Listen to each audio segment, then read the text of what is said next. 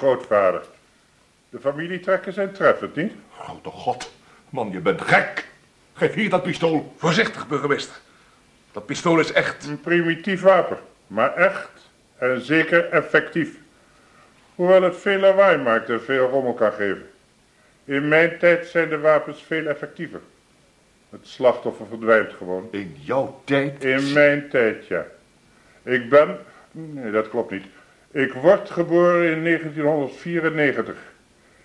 En als ik over mijn effectieve wapens spreek, bedoel ik die uit 2050. Zak, word ik gek? Nog niet, burgemeester, nog niet. Dat komt nog. maar ik geloof dat u er als aanstaand proefkonijn recht op heeft te weten wat er gaat gebeuren. En wat er gebeurd is. Ga toch zitten, heren.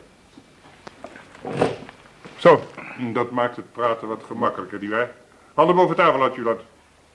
Dat is voor mij wat rustiger, ziet u? Ik zou me wat rustiger voelen als u dat ding niet steeds in mijn richting zwaaide. Dat hangt dan weer van u af, adjutant. Goed. Zoals ik al zei, ik word geboren in 1994. Hoe kan ik dan nu al bij u hier zitten?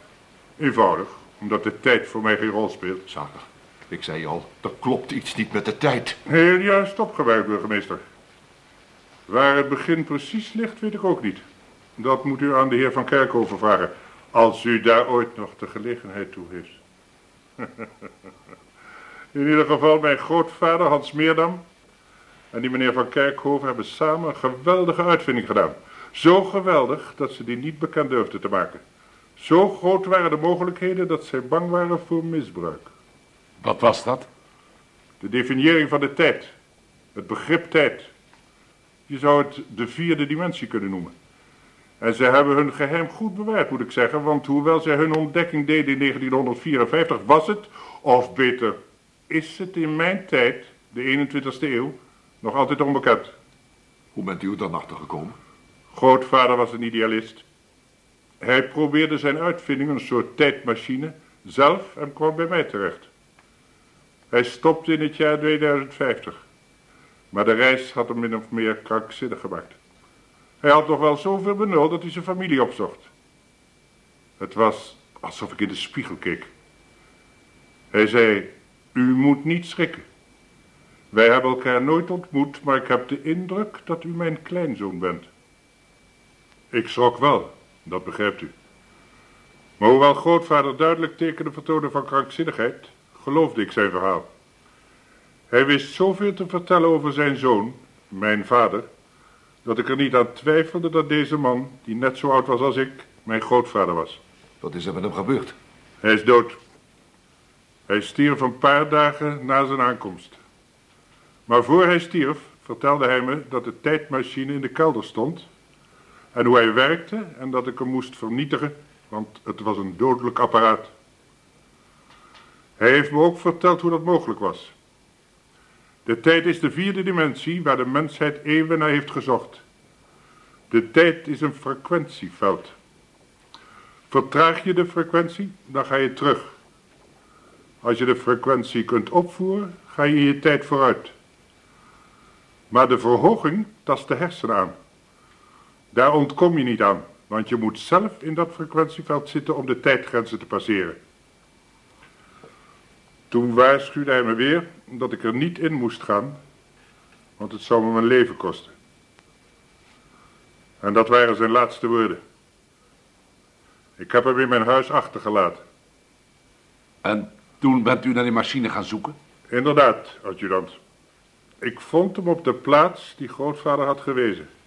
In de kelder van zijn huis in uw dorp. De bediening bleek kinderlijk eenvoudig. Er zat een soort tijdschakelaar in die op een jaartal was in te stellen. En waarom bent u dan de onze tijd teruggekomen? Ach, weet u burgemeester, in mijn tijd was ik niet zo, uh, nou ja, laat ik volstaan met te zeggen dat er een proces dreigde. Mijn grootvader leek op mij als twee druppels water. Ook onze stemmen. Zelfs u heeft het verschil nooit gemerkt. Hier kon ik de plaats innemen van mijn alomgeachte grootvader. Dat had één consequentie. Ik moest een huisartsenpraktijk eraan geven, want ik ben geen medicus. Mijn bron van inkomsten werd de tijdmachine waarmee ik de kranten van de volgende week kon kopen.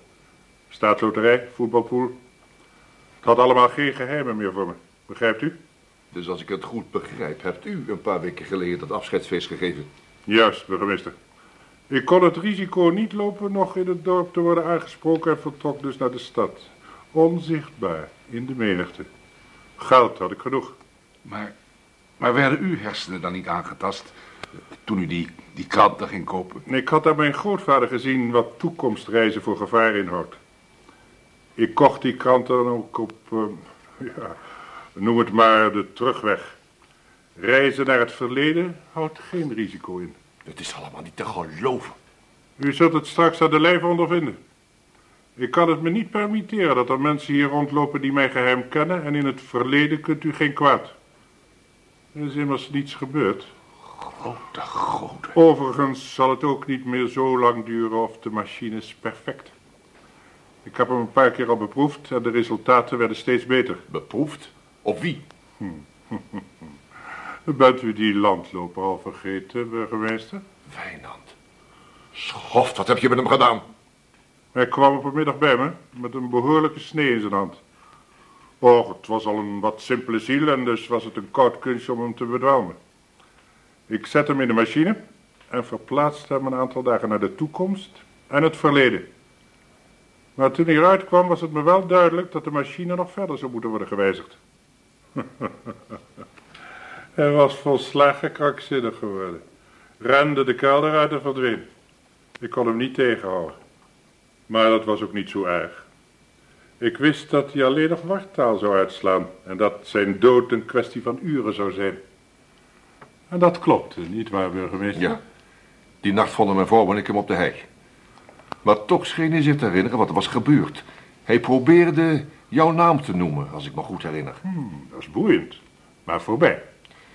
Wat ons later erg dwars zat, was het feit dat we op Wijnand zijn eigen overlijdensverklaring vonden. Ik heb begrepen dat hij nogal eens op de secretarie kwam. Kijk, u moet de grenzen van de tijd in zijn geval helemaal vergeten. Het is heel goed mogelijk dat hij in zijn toekomst bij de gemeentesecretaris dat papier vond. Hij was toen tenslotte al dood, al zag u hem nog levend. Moeilijk te bevatten, nietwaar, maar het klopt wel. Hij heeft dat papier toen vermoedelijk in zijn zak gestopt, zodat het op hem werd gevonden toen hij eenmaal dood was. Maar, maar dat is toch te gek allemaal? Het verklaart wel veel. En, en Rietveld? Ja, Rietveld. Eigenlijk puur toeval geweest. Ik ken hem van de paar dagen dat ik nog in uw dorp heb gewoond. Ik woonde hier nog maar een paar dagen. De machine was net weer opgebouwd. En ik had er weer wat aan verbeterd. Het probleem voor mij was een proefpersoon te vinden. ik had geluk. Ik trof die Rietveld bij een bushalte voor zijn kantoor. Hij was vroeger weggegaan omdat hij zich niet lekker voelde. En als oude dorpsdokter heb ik hem aangeboden even mee te rijden om wat hoofdpijntabletten op te halen. Hij slikte ze prompt in. Toen hij eenmaal bewusteloos was, heb ik hem ook in de machine gezet. Zijn reis naar de toekomst ging beter. Ik hield hem een dag lang in de machine. En toen hij er de andere dag uitkwam, of beter gezegd toen ik hem eruit haalde, en hem bijbracht, sprak hij geen wartaal. Hij wist zich niets te herinneren. Waar, waar ben ik? Oh, dokter Meerdam. Ben ik in slaap gevallen? Eventjes maar. Dat is een bekend bijverschijnsel van die tabletten. Hoe voel je je? Beetje duizelig nog. Maar wel beter. Alleen een beetje duizelig was hij. En hij wist van niets. Hij was een dag lang in zijn eigen toekomst geweest. Teruggekeerd naar mijn, naar ons heden. En liep dus eigenlijk een dag achter. Dat was dus die nacht dat hij niet was thuisgekomen. En daarom kon hij opbellen toen we hem al gevonden hadden. Maar waar is hij nu? Als hij heeft opgebeld toen hij al dood was. Waar is hij nu dan? Dat telefoontje is nieuw voor me. En waar hij nu is? Hij is dood natuurlijk. U hebt hem toch gevonden? Hij zal naar huis zijn gegaan en op de plaats waar u hem heeft gevonden opnieuw zijn verdronken. Volgens de patholoog is hij niet verdronken, maar gestorven aan dezelfde hersenbeschadiging als Wijnand. Ja, inderdaad, dat vertelde u. Wonderlijk dat iemand toch nog zo normaal heeft kunnen handelen na de tijdreis. Nou ja, dan is hij onderweg aan die hersenbeschadiging overleden en in het water terechtgekomen. Hoogst boeiend detail overigens. Noem het maar boeiend. Gewoon moord is het. In het belang van de wetenschap, adjudant. Maar dat zegt u waarschijnlijk weinig. Nee, dat is in mijn tijd anders. Hoe bedoelt u dat? Maakt u zich niet druk, burgemeester. U zult het toch niet beleven. In welke tijd zou u willen leven, heren? De middeleeuwen? De renaissance? Een kwestie van een druk op de knop en u bent. Ah, blijf zitten, adjudant. Schof die je bent. Een onvermijdelijke consequentie, adjudant. En Van Kerkhoven. Wat is zijn rol in dit verhaal? Een genie, die man. Werkelijk zijn tijd ver vooruit. De heer van Kerkhoven heeft eigenlijk de eerste stap gezet. Voor de periode die u aanduidt als eh, de Tweede Wereldoorlog. u moest eens weten. In ieder geval, in Roemenië ontdekte hij het bestaan van het frequentieveld dat tijd wordt genoemd. Grootvader vertelde me dat. Hij had zelf in die tijd gegevens gekregen waardoor hij het bestaan van dit veld ging vermoeden.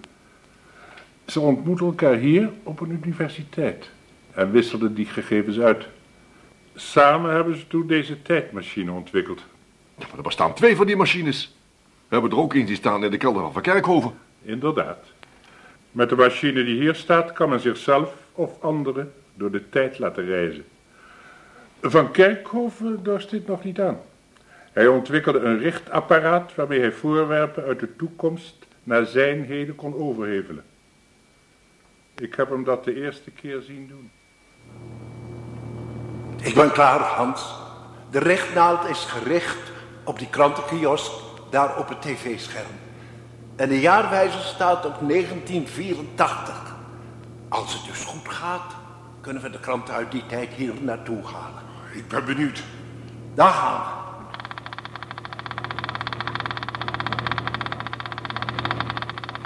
Friso, zet de machine stop. Machine staat stil, meneer. Het moet nu gebeurd zijn, Hans. Dit kan een revolutie betekenen. Open de bol, Friso.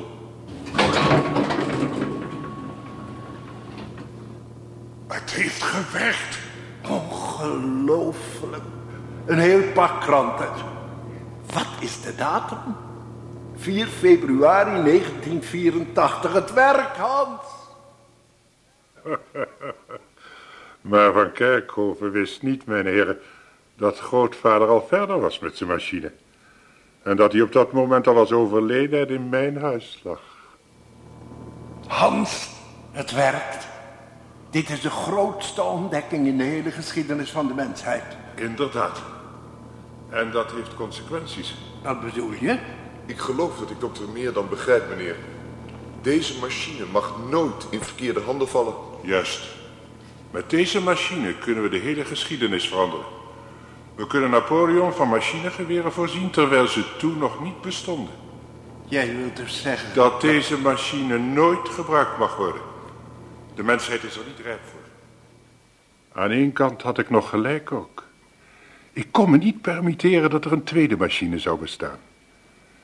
We spraken dan ook af dat we de ontdekking nooit openbaar zouden maken. Nooit, nooit mag me dit te weten komen. Ik ga weg uit dit dorp. We mogen elkaar nooit meer zien. We moeten deze ontdekking vergeten. Het is te gevaarlijk. Je hebt misschien wel gelijk, Hans. Wij houden dit geheim. Maar waarom zou je hier weggaan? We hebben hier jaren aan gewerkt. Ik betwijfel of we ooit nog eens de verleiding zouden kunnen weerstaan om het weer te proberen. En dat mag niet gebeuren. Dat maakte mijn vertrek hier aannemelijk tegenover hem, niet waar, burgemeester? En verder kon ik nu rustig doorgaan met mijn experimenten, omdat ik geen gevaar liep te worden ontdekt via de andere tijdmachine. Experimenten ten koste van Wijnand en Rietveld. Zoals ik al zei, in het belang van de wetenschap. In je eigen belang. U bent duidelijk een exponent van deze tijd, adjudant. Als ik de wetenschap kan dienen, en bovendien mijn eigen belang. Wat betekenen dan deze twee eh, incidentjes? Als die mentaliteit ons voorland is... Uw tijdgenoten hebben dat zelf in de hand, burgemeester. In ieder geval, ik kon doorgaan met experimenteren tot er een kink in de kabel dreigde te komen. Van Kerkhoven belde mij op. Hans, met Leon. Ik moet je spreken. Wat is er aan de hand? Twee mensen op raadselachtige wijze om het leven gekomen. Ik vraag je recht op de man af. Weet jij daar iets van? Nee. Hoe zou ik? Er wordt hier gezegd dat de een aan alcoholvergiftiging is overleden en de ander is verdronken. Ik geloof daar niet zoveel van. Waarom denk je dat ik daar iets mee te maken zou hebben?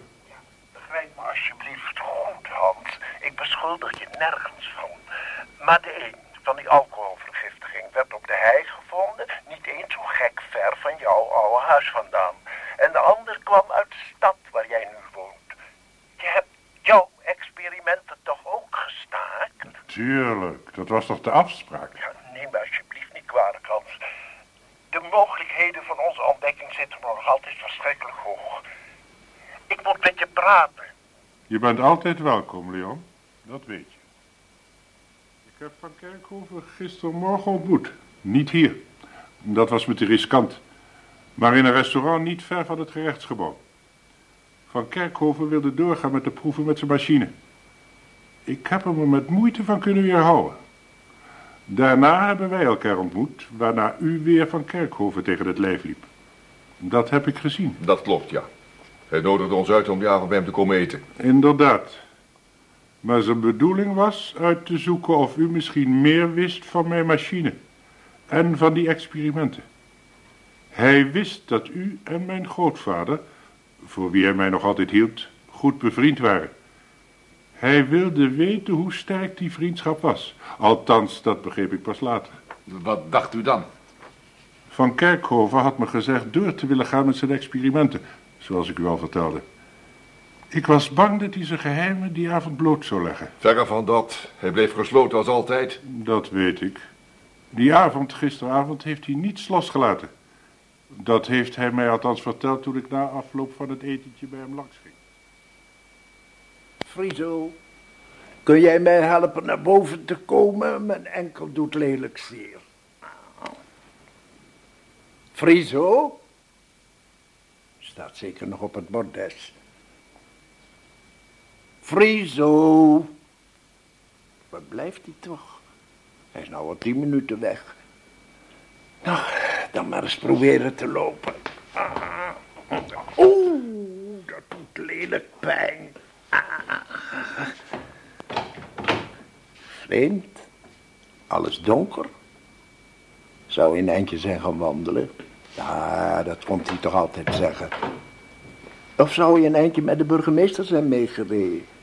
Nee, niks voor Friso.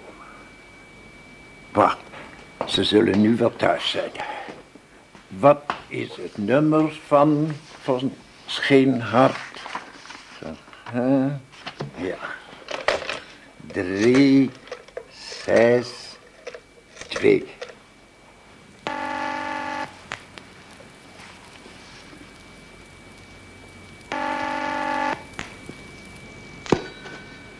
Scheenaar, spreekt u mee?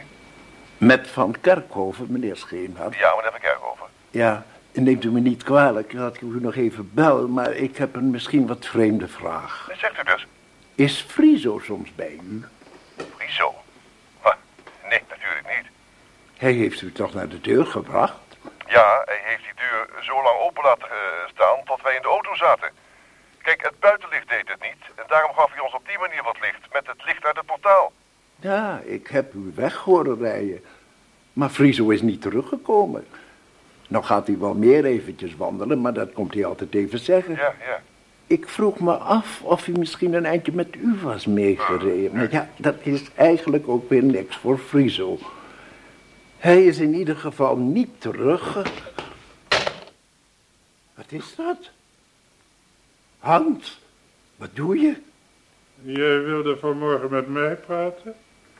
Nu wil ik met jou een woordje wisselen. Moet dat op die manier, Hans? Ik je niet meer terug. Wat is er met je aan de hand? Ik wil een paar dingen zeker weten. Vanmorgen had je het erover dat je door wilde gaan met je experimenten. Wij hebben opnieuw afgesproken de zaak te laten rusten. Maar erg overtuigd was je niet. En nu vanavond heb je Scheenaert hier uitgenodigd. Heb je hem de machine laten zien? Natuurlijk niet. Waarom zou ik? Waar hebben jullie het over gehad? Hans, ben je gek geworden? Het is dat we zo lang samen hebben gewerkt, anders zou ik je er onmiddellijk laten uitgooien. Dat hoef je niet eens te proberen. Van Frieso hoef je geen hulp meer te verwachten. Wat heb je met hem gedaan? Tik in zijn nek en een verdovende injectie. Ik zal hem nog nodig hebben. Waar moet jij Friese voor hebben? Ik heb de experimenten niet gestaakt. Ik ben doorgegaan. Ik heb althans voortgezet wat mijn grootvader is begonnen. Je, je grootvader? Ja, Hans Meerdam is mijn grootvader. Hij heeft er al een tijdreis op zitten waar hij niet van is teruggekeerd. Ik ben in zijn plaats gekomen. Hoe lang is dat geleden? Ongeveer een dag voor jouw eerste experiment met die kranten. Dus die moorden waren toch jouw werk? Moorden? Ik heb geen moorden gepleegd. Ik heb wetenschappelijke experimenten gedaan. Ik, heb het onmiddellijk vermoed. Maar ik kon me niet voorstellen dat Hans zoiets zou doen. En hij heeft het ook niet gedaan. Jij hebt het gedaan. Toen er twee lijken kort achter elkaar waren gevonden, vertrouwde ik de zaak niet meer. Ik heb de patholoog-anatoom, dokter Maas, een oude vriend, gevraagd wat de echte doodsoorzaak was. En dat was hersenletsel door onbekende oorzaak. Maar de aard van dat letsel vertelde me al genoeg. Het moest veroorzaakt zijn door trillingen. Trillingen die ontstaan als het frequentieveld wordt opgevoerd. Daarom was ik tegen experimenten met mensen, maar ik wilde het allereerst op dingen proberen. Kranten hebben geen last van deze trillingen, maar bij mensen splijt de schedel er zelfs van open. Precies. Dat is mijn grootvader overkomen. Hij was volslagen krankzinnig, maar over zijn werk kon hij nog van alles vertellen. Dus Hans is dood en je wist hoe dat kwam en toch heb je die experimenten doorgezet. Waarom? Waarom ben je hier naartoe gekomen? Laten we zeggen om een pijnlijk proces te voorkomen. En mijn grootvader zal inmiddels wel in mijn huis gevonden zijn, dus dat proces gaat niet meer door. Maar teruggaan is er niet bij. Ik zal me in deze tijd moeten aanpassen, maar dat kan alleen als niemand mijn afkomst kent. Maar waarom dan die experimenten met mensen? Ik heb die machine nodig om rijk te worden. Ik moet zelf de toekomst in kunnen. Om bijvoorbeeld voetbaluitslagen van tevoren te weten te komen. Monster! Dat zal ik nooit toestaan. Jij zal wel moeten. Ik was ervan overtuigd dat Van Kerkhoven dood was. Nou ja, niemand zal zijn verhaal geloven. En hij zal wel zo verstandig zijn niemand zijn tijdmachine te laten zien. Daar zou ik maar niet te hard op rekenen. Ook niet erg. Ik kan nog altijd terugkeren naar gisteravond en de machine vernietigen. De enige getuigen die er nog zijn, zijn jullie. Wat wil je met ons doen? Zoals ik al zei, u mag uitkiezen. Het is een kwestie van jaartal instellen. En u zit tussen de Batavieren, de Romeinen of de 80-jarige oorlog. Dat zal je niet redden. Er zijn er meer die weten dat we hier zijn. Ongetwijfeld. Uw vrouw wellicht, of de collega's van de adjudant. Goed, heren, u bent hier geweest. We hebben een uurtje zitten praten en u bent weer vertrokken. Sindsdien bent u spoorloos. Dat is toch al meer gebeurd, nietwaar? Ik weet van de hele zaak niets af. Hij heeft gelijk, burgemeester. Hm. Eh, zullen we dan maar een, een leuk jaartje uitzoeken? Sarah, ben je ook al gek? Het... Oh, eh, eh, ja. Zeg meneer Meerdam, ja, ik ben altijd erg geïnteresseerd geweest eh, in, in de Franse revolutie, ja. Zou het jaar 1789 u misschien schikken? Ik zie hem al staan, als schout. Ja, ja Frieso, nu! Pas op, hij ontsnapt Hou, hou hem tegen! Ga hem achterna, ga hem achterna, Sarah. Hij is naar boven. Ik hoor hem. Waar is hij? Kom op, Frieso. In een, een van deze kamers. Nee. Ook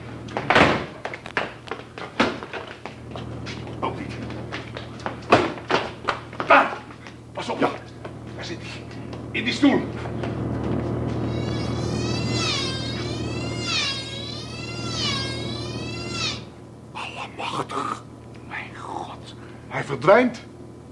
Maar dat is niet te geloven. Hij zit hier en, en weg is hij. Allemachtig, de tijdmachine.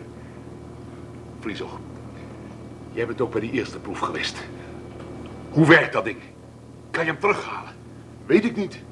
Deze ziet er heel anders uit. Hier zit het jaarwijzer. Op welk jaar staat dat ding? 1460. Hij moet de naald willekeurig hebben ingesteld. Grote god, 1460. Kan je hem terughalen? En dan, Zager. Arresteren natuurlijk. Die man heeft twee moorden op zijn geweten. En dan het hele ware wereldkundig maken? Nee. Die man mag een misdadiger zijn, maar hij had in één ding gelijk. Zager, de mensheid is niet rijp voor een dergelijke ontdekking. Laat hem daar. Wat zeg? Laat hem daar, zeg ik je. In 1460. Hoe kan hij zelfs terugkomen, Friso? Ik heb van meneer begrepen dat dat alleen mogelijk is als de thuismachine intact is. Door middel van een soort zendertje kan men die dan weer in werking stellen, waar men ook is. Vernietig dan die machine. Ja, maar burgemeester. Meneer Scheenheid heeft gelijk, adjudant. Vernietiging van de machine is de beste oplossing. Wijnand is overleden aan alcoholvergiftiging. Rietveld is verdronken. De tweede overlijdensakte is een vergissing en het telefoontje van Rietveld is een misselijke grap. Wij vergeten de zaak.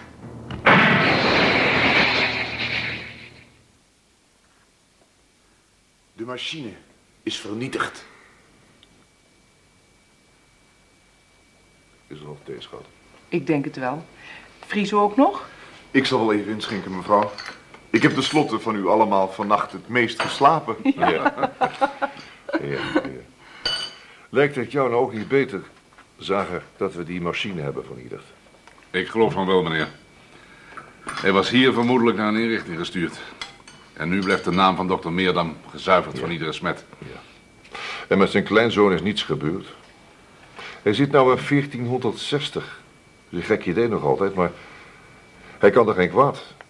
Er is in dat jaar immers niks bijzonders gebeurd. Slaat de geschiedenisboekjes er maar op na. Ik kan het nog allemaal niet geloven. Later dan verder niet meer in geloven. Ja, Scheenhuis spreekt u mee. Ja, Tosselhof. Ja. Nee, ik voel me wat slapjes vandaag. Ik eh, blijf maar thuis, ja. Dank je, Tosselhof. Oh ja, Tosselhof, luister even. Uh, adjudant Zager is ook niet, eh, niet lekker. Die blijft ook een dagje in bed. Ja, al een beetje griep. Ja, inderdaad, ja. Dag, Tosselhof. Zo, Zager, ik heb je ziek gemeld, jongen. Hè? Kunnen we eindelijk eens gaan uitrusten. En wat doe jij, Friso? Ik ga terug naar Rietzicht, meneer. Uitstekend. Nou, dan ga ik nou maar van mijn ziekteverlof genieten, burgemeester. Ja. Mevrouw Scheenert, bedankt voor de thee en eh, tot ziens. Tot ziens. Oh ja, burgemeester, mijn fiets heb ik vannacht in uw garage gezet. Eh, kunt u misschien even de deur voor me Ja, ik loop even met je mee. Zal ik jou direct naar Rietzicht brengen, Friso? Ik ga liever even lopen, meneer. Een beetje frisse lucht zal me goed doen na die verdoving. Wat je wilt. Zullen we maar? Tot ziens, mevrouw Scheenert. Tot ziens, mevrouw. En dank voor de thee. Graag gedaan. Als meneer Van Kerkhoven uit het ziekenhuis is, kom dan maar eens langs. Ga je mee naar bed? Af. Ik kan het me voorstellen. Dan zit je nog iets dwars, is het niet? Ja, Hans? ja, natuurlijk. Maar vooral Wijnand. Hoezo vooral Wijnand? Herinner jij je nog waar hij het over had toen hij op de achterbank lag, die nacht, Corrie? Weet je dat nog? Ja, Hij had het over een oorlog. Een hele grote oorlog. En waar zou je die gezien hebben, Corrie? In het verleden of in de toekomst? En wanneer dan? Hoe ver weg is die geweest? goeie god. Morgen? Volgend jaar? Ik ben bang, Corrie.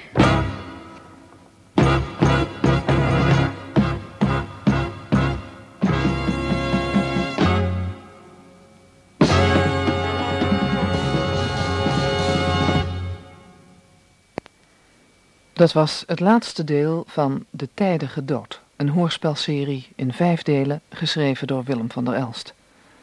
En dit is de rolverdeling. Meer dan was Willy Ruys, Scheenhart Jan Borkes, Zager Robert Sobels, Wijnand Frans Zuidinga, mevrouw Scheenhart Petra Dumas, Rietveld was Frans Kokshoorn, Friso Pieter Groenier, en Van Kerkhoven werd gespeeld door Dick Swidde. De regie had Hero Muller.